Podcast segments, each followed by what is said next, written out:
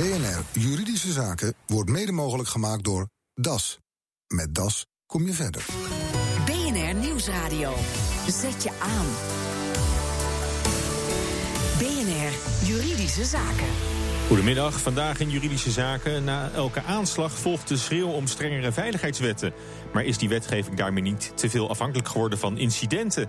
En de juridische vraag van de luisteraar, die vergat benzine te betalen. Meteen krijgt hij een rekening niet alleen voor de benzine, maar ook 42 euro extra.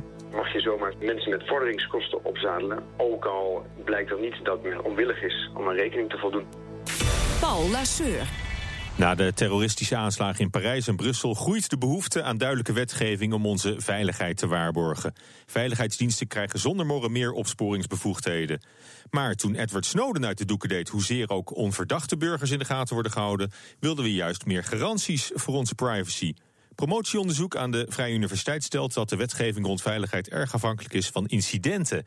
Is de privacy dan te weinig gewaarborgd? Vandaag een debat daarover, over de balans tussen veiligheid en privacy. En daar ga ik over praten met de promovendus in kwestie zelf, Rob van der Hoven van Genderen. goedemiddag, universitair docent internetrecht aan de VU, oud-MIVD-baas Pieter Kobelens en nog een promovendus Jan-Jaap Oerlemans. Hij doet onderzoek naar cybercrime aan de Universiteit Leiden. Hartelijk welkom heren. Ja, de vraag of uh, wetgeving te veel incidentenpolitiek uh, is. Uh, Rob van der Hoven, ik begin met u. is de totstandkoming van wetgeving te veel door incidenten ingegeven op dit moment? Ja, ik denk, ik denk dat sowieso heel veel wetgeving natuurlijk uh, gegenereerd wordt uh, vanuit uh, ja, de golven in, in de maatschappij. De waan van de dag. Ja, dat gebeurt natuurlijk steeds meer. je ziet ook dat politici reageren op de waan van de dag en niet op zaken waar het wat, laten we zeggen, structureler over gaat. Maar goed, de, de woede, de verontwaardiging, ja, de angst na zo'n aanslag is, is een dat belangrijke mee, driver dat voor, mee. voor nieuwe wetgeving. Ja. En dan zien natuurlijk ja, justitie en de inlichtingendiensten zien hun kans ook wel schoon om dan met voorstellen te komen. Te dat gaat misschien wat ver. En ik denk dat Pieter Kobelens daar ook zeker niet mee eens ja. is. Maar waar, het, waar het over gaat is natuurlijk dat de ruimte die wordt geschapen anders wordt ingevuld, laat ik het zo zeggen. En ja. een van mijn, mijn conclusies was ook dat, want u zei er is behoefte aan duidelijke wetgeving. En dat betekent dus dat ze meer macht krijgen. Ik denk juist dat als de wetgeving duidelijk zou zijn, dat dat niet het geval is, omdat je dan duidelijk kan aangeven welke bevoegdheden je onder welke omstandigheden kan benutten als, als inlichting en veiligheidsdienst. En ja, nu is het vaak zo dat die, juist die definities heel erg ruim zijn, de taakopdracht ruim is. En zodat, daar, zodat ze er altijd mee wegkomen. Zodat hoe, ze er altijd, uh, ja. ja. Of, of, ze.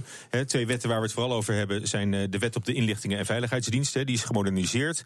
En de wet ter voorkoming van witwassen en financieren van terrorisme. Dus dan heb je meteen ja, de zaken te pakken waar het eigenlijk over gaat. Hè? Want uh, is nou ja, natuurlijk wel een aanleiding voor. Wat, wat, wat, wat ook nog daarbij een hele grote rol speelt, is dat die, zeg maar de, de vierde AML, Anti-Money Laundering richtlijn, mm. met name gebaseerd is op een, een taskforce, Financial Taskforce, wat geen gouvernementeel overleg is, maar belangengroepen, waar ook trouwens de veiligheidsdiensten in zitten. En dat is dus zogenaamde soft law. Dat is dus helemaal ja. geen recht. En dat wordt zomaar overgenomen door de Europese Unie. En dat is eigenlijk een soort dictaat geworden. Want als je kijkt naar de conclusies van die. FATF, dan lijkt dat wel heel erg, 99% op wat er in de wetgeving terechtkomt. Ja, maar goed, dat is, dat is dan een heel principieel argument. Terwijl je ook kan zeggen, vanuit uit veiligheidsoogpunt is het, is het misschien alleen maar goed dat er extra mogelijkheden worden gecreëerd voor, voor de opsporingsdiensten of voor de veiligheidsdiensten. Nou, extra mogelijkheden, dank u wel. extra mogelijkheden. De wetgeving loopt altijd achter. De vorige wet inlichting en veiligheidsdiensten dateert uit 2002. En u kunt toch niet ontkennen als je de sociale media kijkt tussen 2002 en nu dat het allemaal razendsnel gaat. Dus die wetgeving kan het nooit per definitie nooit bijhouden. dus, dus zegt u, moet, moet je eigenlijk nu al de ruimte krijgen om, om klaar te zijn voor, uh, voor verdergaande vormen van social media bijvoorbeeld? Niet alleen dat, je moet je niet zo vaak uh, uh, proberen allerlei nieuwe procedures te bedenken als die procedures die we op dit moment hebben eigenlijk best wel oké okay zijn, maar misschien verder moeten worden uitgebreid. Ik ben een pertinente tegenstander van uh, voorafgaand toezicht, zoals die ook in de nieuwe wet inlichting en veiligheidsdienst is voorzien. Daar is een inlichtingendienst voor. Er wordt jaren gewerkt aan casu om iemand die je verdenkt om uh, daar wat mee te doen. En nu moet een, een, een rechter of iemand anders die we noemt hebben... opeens al die wijsheid wel in pacht hebben. Dat is één. En twee, ja. uh, volgens mij... Ik kom, ik kom zo weer bij u. ik hoorde net over onze democratische, onze democratische samenleving. We hebben uh, democratisch gekozen politici. We hebben diensten, inlichtingendiensten... waar bazen om het drie, vier jaar uh, wisselen. Dus er is niemand die daar een eigen belang heeft... of een koep wil naar nog meer en nog betere informatie. Dus ik denk dat democratische elementen meer dan goed gewaarborgd zijn door Commissie van Toezicht, Inlichting en Veiligheidsdiensten. Moet je misschien beter outilleren, meer geld geven, meer mensen. En de commissie stiekem, dus de, de diverse mm. fractievoorzitters, moeten misschien nog beter hun werk doen dan ze nu al doen. Elke procedure die we bedenken, zet ons op een grotere achterstand om iets te voorkomen. En wij hebben nu eenmaal de luxe, en ik kijk nu even alleen naar terrorisme, dat we in Nederland nog niks meegemaakt hebben. Maar ik verzeker u dat deze hele studie, met alle respect voor het weer, op een goede, op een goede manier alles op een rij zetten.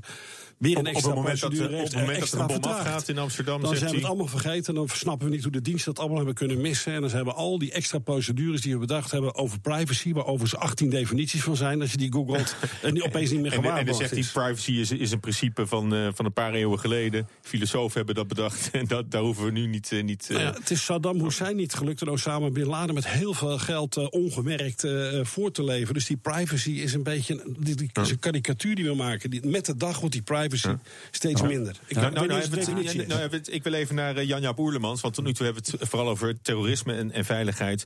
Ehm, als je dan kijkt naar, naar cybercrime, hè, naar, naar hackers die het voorzien hebben op je creditcardnummer of op je, eh, op je identiteit en, en de diefstal daarvan. eh, zie, zie je dan hetzelfde? Ook dezelfde, hetzelfde beroep op, op privacy en, en, en dezelfde weerstand tegen al te veel bevoegdheden voor eh, inlichtingendiensten? Ja, dat zeker. Kijk, ehm, zowel in de memo over toelichting van die nieuwe wet als bij de wet computercriminaliteit 3 wordt aangehaald dat uh, het steeds lastiger wordt om zicht te houden op die criminaliteit en dreigingen. In de wet op de inlichting en veiligheidsdiensten wordt er gesproken over cyberdreigingen. Uh, bij de wet computercriminaliteit is het gewoon cybercrime. Um, in beide wetten wordt ook deels een oplossing gezocht in het hacken van computers om dan bewijs te kunnen verzamelen. En dan Mhm. kan je eigenlijk op de bron bijvoorbeeld tappen en zicht krijgen van wat er van de communicatie in plaats van dat je het normaal aftapt. Um, het is wel zo wat natuurlijk uh, bij de nieuwe wet op de inlichting en veiligheidsdiensten wordt ingezet op bulkinterceptie. Dus op uh, grootschalig uh, vastleggen van de gegevens. Ja, om... eigenlijk, eigenlijk een schot hagel in de hoop dat, dat een van die kogeltjes doel treft. Ja, kijk, ik denk dat je onderscheid moet maken tussen metadata van. meer een sleepnet. niet. Nee, een sleepnet, ja. Je moet onderscheid maken bij die bulkinterceptie van, bulkinterceptie van telefonie. Het is logisch als je metadata van telefonie vastlegt, dat bijvoorbeeld na een aanslag, dat je eenvoudig kan in kaart brengen wie met wie heeft gebeld op welke hmm. locatie wanneer. Nou, dat kan ontzettend uh, belangrijk zijn in zo'n onderzoek. Uh, je ziet ook omringende landen hebben dat, maken het ook mogelijk. Wel voor buitenlands verkeer. In Nederland willen het ook voor binnenlands verkeer maken. En dan haak ik in op die cybercrime uh, en cyberdreigingen. Want het argument is dat ook bulkinterceptie op binnenlands verkeer mogelijk moet zijn om cyberdreigingen tegen te gaan. Het idee is dat we hmm. digitale grenswachten krijgen en door maar, het maar monitoren even, van het het, netwerkverkeer het beeld over te nemen van, van een sleepnet. Hè? Hmm. Wat doe je met al die, al die bijvangst, al die, al die onschuldige burgers die er helemaal niks mee te maken hebben. Ja, en, de wet staat en, dat en, en waarvan toch. Ja, en, en dan ja, zegt de wet van je moet dat weer verwijderen. En dan moet je er maar vanuit gaan dat dat, dat, dat gebeurt. Nou, kijk, dus er wordt een procedure omschreven. Dat hoeft niet altijd. Enerzijds, nee, maar enerzijds gaat het om het vergaren van de gegevens. Dan wordt geselecteerd van waar ga je op monitoren. Bij net-internetverkeer gaat het dan bijvoorbeeld om signatures van malware om aanvallen te kunnen detecteren. Bij telefonie gaat het bijvoorbeeld om telefoonnummers om dan mensen te kunnen identificeren. En daarna moet er nog een keer toestemming worden gegeven om op de persoon hmm. uh, te verwerken. Dus die drie-strapsraket die staat in die wet. En daarmee wordt uh, die privacy wel beter beschermd van burgers. Maar, maar, goed, maar, maar, maar, de, maar de vraag is dan, mm -hmm. en, en dat is de vraag die steeds opkomt in deze discussie, moeten we dan uh, uh, ons erbij neerleggen dat, dat de privacy, dat daarop wordt ingeleverd? Omdat, omdat er voor, uit een oogpunt van veiligheid uh, ja, ja. dat we die gegevens moeten kunnen monitoren. Nou, ik denk het niet. Ik denk dat, dat je de privacy uh, moet waarborgen, terwijl je ook de veiligheid moet waarborgen. En dat betekent ja. dat, dat je zorgvuldige procedures moet hebben. En je kan, het, is, het is te simpel om te zeggen van, oh, we gaan privacy inleveren, dus we worden veiliger. Dat, daar, daar, dat is een onjuiste conclusie. Je moet de juiste procedures, de juiste manieren van toezicht hebben. En als je ziet dat het toezicht achteraf niet werkt, dan zou je toch iets anders moeten verzinnen. En daarin wordt voorzien in het, on, in het ontwerp van, uh, van, de, van de wet ja. uh, op de ik, ik, ik, ga het, ik ga het nog simpeler maken. Ja. Uh, we hebben ook op de redactie een rondje gehouden. En we hebben gevraagd, je moet kiezen. Privacy of veiligheid? Ja, dat is verkeerde keuze. Nou, Ja, dat is verkeerde keuze. Dat, dat had ik niet anders verwacht. Maar eh, Pieter Koblenz. Nou, ik heb het vaker gezegd, als je dood bent, heb je weinig aan privacy. Zo simpel is het. En ehm, het gaat er niet om, ik hoor steeds onschuldigen en schuldigen. Dat heeft helemaal niks met elkaar te maken. Dat sleepnet, in tegenstelling tot een visserschip, daar hoef je niet in te kijken. Het gaat er alleen maar om dat als het nodig is, dat je heel pinpoint wel kan zoeken. En waar wij over hebben, dat zijn bewegingen waar mensen gewoon die gegevens liefst na één of twee jaar vernietigen. Nou, ik, ik durf het volgende te beweren. Na de aanslag in Parijs en in Brussel, die daar niet plaats had moeten vinden. En de angst die we hebben gehad dat er na in Nederland zou komen in het Pasen, met paasweekend, wat niet gebeurd is. Dat is voor een gedeelte gelukt doordat er razendsnel met heel veel diensten tegelijkertijd ongelooflijk veel data verwerkt zijn. En het is ook lekker makkelijk om met je rug tegen de centrale verwarming te vertellen dat als je nou heel veel procedures hebt, dat je dan nooit geen fouten meer er zijn, maakt. er zijn, er zijn Maar dus ook, niet zo. nee, maar er zijn dus ook eh, een heleboel eh, eh, dingen misgegaan. dat, dat er doorgelaten zijn, mensen gecontroleerd aan de grens in Oostenrijk en Brussel. Dus die, de terroristen zijn gewoon doorgekomen. Ja. Hè, met, met eh, alle analyses, alle data die voorhanden was. Als mensen niet kunnen communiceren, en daar gaat het om. Als je niet op een juiste manier kan communiceren, als de procedures niet duidelijk Mm. zijn, als het toezicht niet duidelijk zijn, gaat het dus toch mis. Ik moet het hier even afbreken. Ik praat straks met u verder. En dan over de vraag of er eh, meer onafhankelijk toezicht moet komen op opsporingsdiensten. BNR Nieuwsradio. Zet je aan. BNR Juridische Zaken. Privacy of veiligheid. Het een lijkt wel eens ten koste te moeten gaan van het andere. Hoe zorg je dan voor een goede balans? Rob van der Hoven van Genderen die promoveert deze week op de waarborg van privacy en veiligheidswetgeving. Hij is nog steeds mijn gast met oud-MUVD-baas Pieter Koblenz en cybercrime-promovendus Jan-Jaap Oerlemans. Eh, ja, we hielden net al een kort rondje waar je voor zou kiezen hè, als het erop aankwam. Privacy of veiligheid. Eh, Pieter Koblenz, u bent vrij uitgesproken hè, over hoe Nederland omgaat met, met privacy. Een beetje een karikatuur soms. Ja, misschien wel, maar ik ben ook een van de weinigen in Nederland die roept dat ik in principe de overheid vertrouw. En dan zit iedereen je aan te kijken, die vent die komt van Mars. Die overheid is door ons gekozen, voor ons bedacht, ook voor onze veiligheid. En dat het allemaal beter kan en dat je dat beter moet nuanceren, allemaal voor. Maar iedere maatregel die je neemt, die naar mijn mening de boel gevaarlijker, maar misschien eh, wetenschappelijk gezien eh, wat overzichtelijker maken, ga ik toch voor de veiligheid. Te veel van gezien, te veel van meegemaakt, te veel nare mensen in deze wereld die onze leuke samenleving kunnen verpesten. En de opvatting van veel burgers, eh, ik heb niets te verbergen, dus ze mogen ook alles van, van me weten. Dat, dat, Ja, dat is. dat is hoor ik heel vaak, maar waarschijnlijk is dat ook zo. Want eh, aan de ene kant maakt iedereen zich grote zorgen. En op het andere moment zitten ze op Facebook te vertellen dat ze gezellig daar zijn geweest en wat ze gegeten hebben. En dan vinden ze het raar dat ze thuis overvallen worden, omdat iedereen weet dat ze niet thuis zijn. Maar daar, wordt ook meteen gebruik van gemaakt Ja. door de overheid. Ja, als je je vakantiefoto's op eh, Facebook zet terwijl je een uitkering hebt aan je rug, dat is een beetje moeilijk. Maar goed, dat is een andere kwestie, vind ik.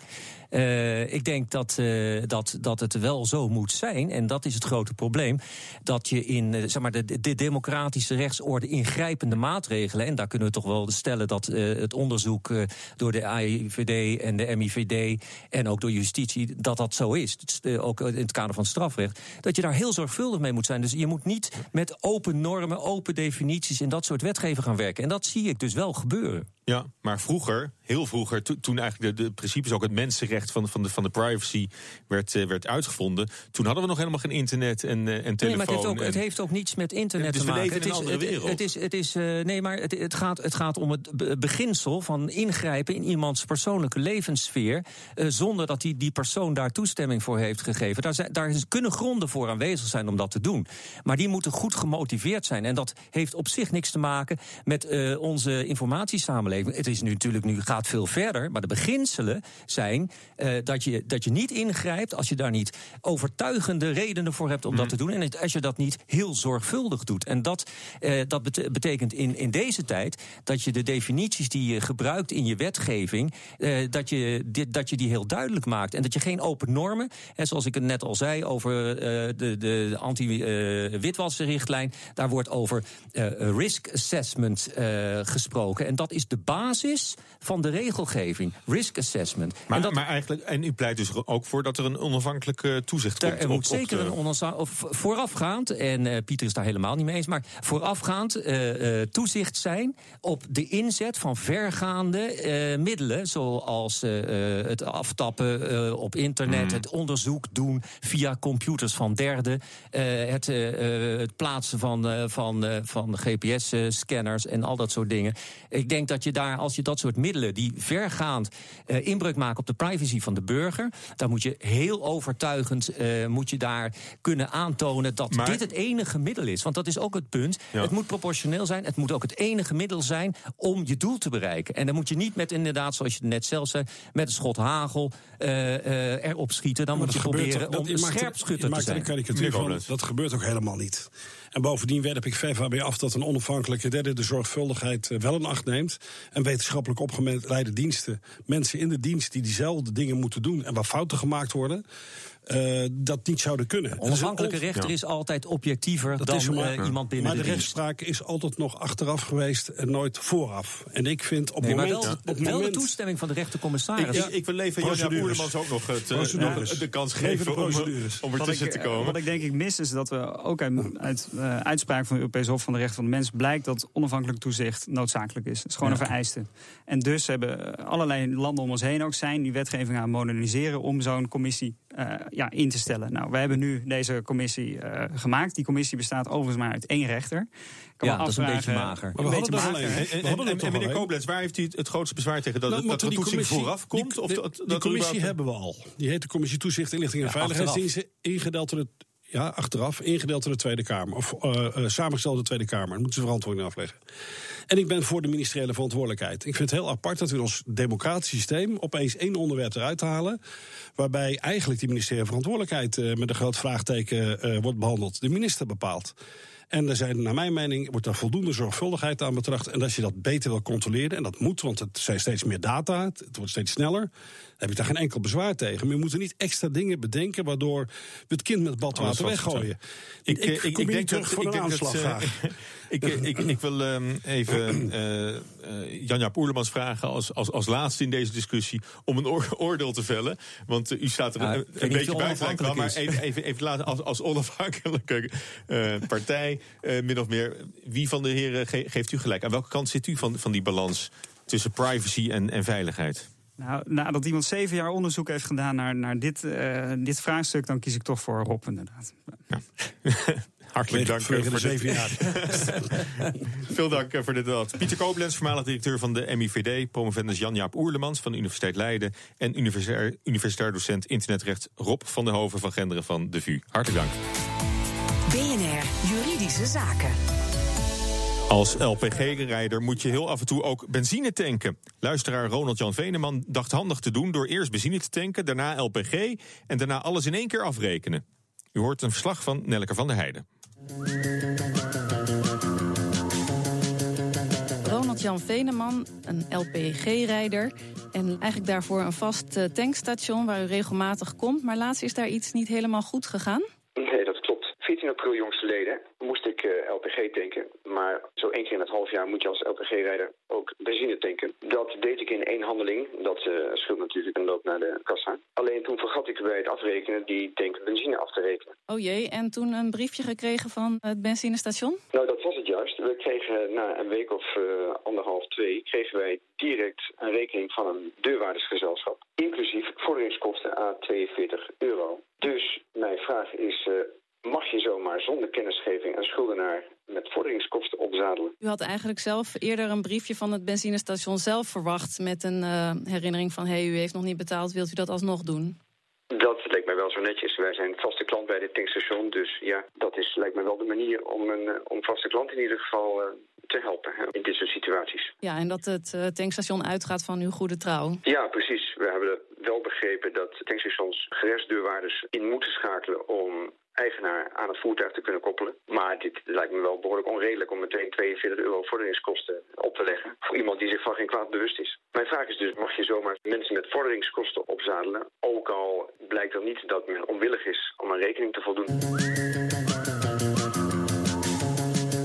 Onno Hennis van AMS Advocaten. Ronald Jan Veneman heeft echt per ongeluk niet betaald en denkt dat het daarom onredelijk is. En vraagt zich af of hij die 42 euro extra nou echt moet betalen. Nou, of het redelijk is, dat is juridisch niet relevant. Maar wat wel zo is, is dat hij deze kosten in beginsel niet hoeft te betalen. Het tankstation had hem eerst namelijk een ingebrekenstelling moeten sturen... waarin hij eigenlijk gevraagd werd om binnen redelijke termijn alsnog te betalen. Ja, dus zo'n ingebrekenstelling is eigenlijk een soort betalingsherinnering. Precies, en als je die vervolgens niet nakomt... dan zegt de wet dat je in verzuim bent. En op het moment dat je in verzuim bent... ben je ook aansprakelijk voor de aanvullende kosten van 42 euro... ter vaststelling van schade en aansprakelijkheid... die het deurwaarderskantoor heeft gevorderd. Ja, want het uh, tankstation zelf geeft aan... ja, maar we hebben die kosten wel gemaakt... want we moeten via een gerechtsdeurwaarde die kentekengegevens achterhalen. Dat mogen ze dus niet verhalen op hem. Ja, dat is heel vervelend voor het tankstation... maar dat komt inderdaad voor het risico van de ondernemer.